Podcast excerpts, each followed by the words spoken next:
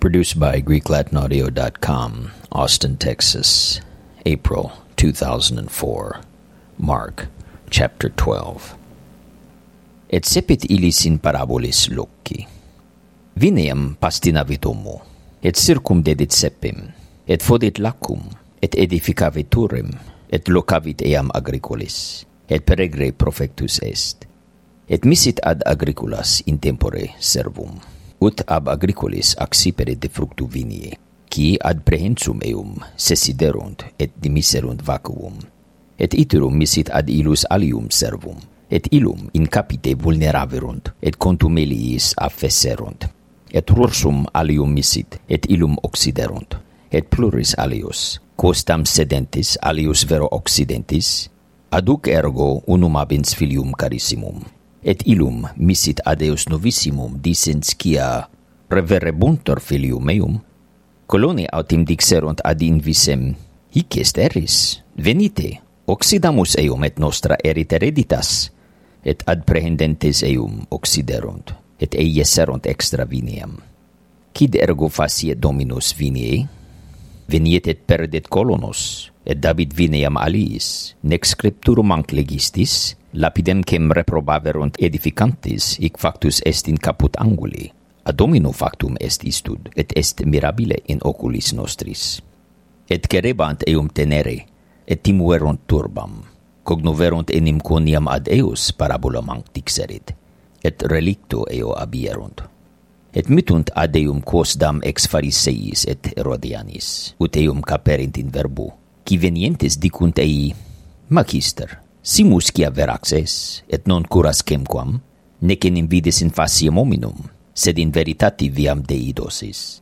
Lise dari tributum Caesari, annon dabimus, qui siens versusiam eorum aitilis, Quid mi temptatis, Adferti mi dinarium ut videam, ad ili atulerunt, et ait ilis, cucus est imago ec, et inscriptio, dicunt ili, Caesaris, Respondens autem Jesus dixit ilis, Rediti igitur Cesum Caesari Caesari, et Cesum Dei Deo, et mirabantur super eo. Et venerunt ad eum Sadducei, qui dicunt resurrectionem non esse, et interrogabant eum dicentis, Magister, Moses nobis scripsit ut sicucus frater mortuus fuerit, et dimisserit uxorem, et filius non relicerit, accipiet frater ejus uxorem ipsius et resuscitet semen fratri suo. Septem ergo fratris erant, et primus accepit uxorem, et mortus est non relictus semine, et secundus accepit eam, et mortus est, et nec iste relicit semen, et tertius similiter, et acceperunt eam similiter septem, et non relicerunt semen. Novissima omnium defuncta est mulier, in resurrectione ergo, cum resurrexerint, Cucus deiseret uxor, septemenem abuerent eam uxorem. Et respondens Jesus ait ilis, non ideo eratis, non scientis scripturas, neci virtutem Dei, cum enima mortuis resurrexerint, neci nubent, neci nubentur, sed sunt sicut angeli in celis. De mortuis autem quod resurgant, non legistis in libro Mosi super rubum, quo modo dixerit ili Deus inciens, ego sum Deus Abraham, et Deus Isaac, et Deus Jacob, non est Deus mortuorum, sed vivorum, vos ergo multum eratis. Et accessit unus describis, qui audierat illos concidentes, et videns quoniam bene illis responderit, interrogavit eum quod esit primum omnium mandatum. Jesus autem respondit ei, quia primum omnium mandatum est, audi Israel, Dominus Deus noster Deus unus est, et diliges Dominum Deum tuum, ex todo corte tuo, et ex tota anima tua, et ex tota mente tua, et ex tota virtute tua. Hoc est primum mandatum. Secundum autem simili est illi. Diliges proximum tuum tamquam te ipsum. Machusorum aliud mandatum non est, et ait ili scriba, Beni magister, in veritati dixisti quia unus est et non est alius pretereum, et uc diligator ex toto corde, et ex toto intellectu, et ex tota anima, et ex tota fortitudine, et dilicere proximum tamquam se ipsum macus est omnibus holocaustomatibus et sacrificiis. Jesus aut invidens quod sapienter respondisit, dixit ili, non est longe a regno Dei, et nimo iam audebat eum interrogare.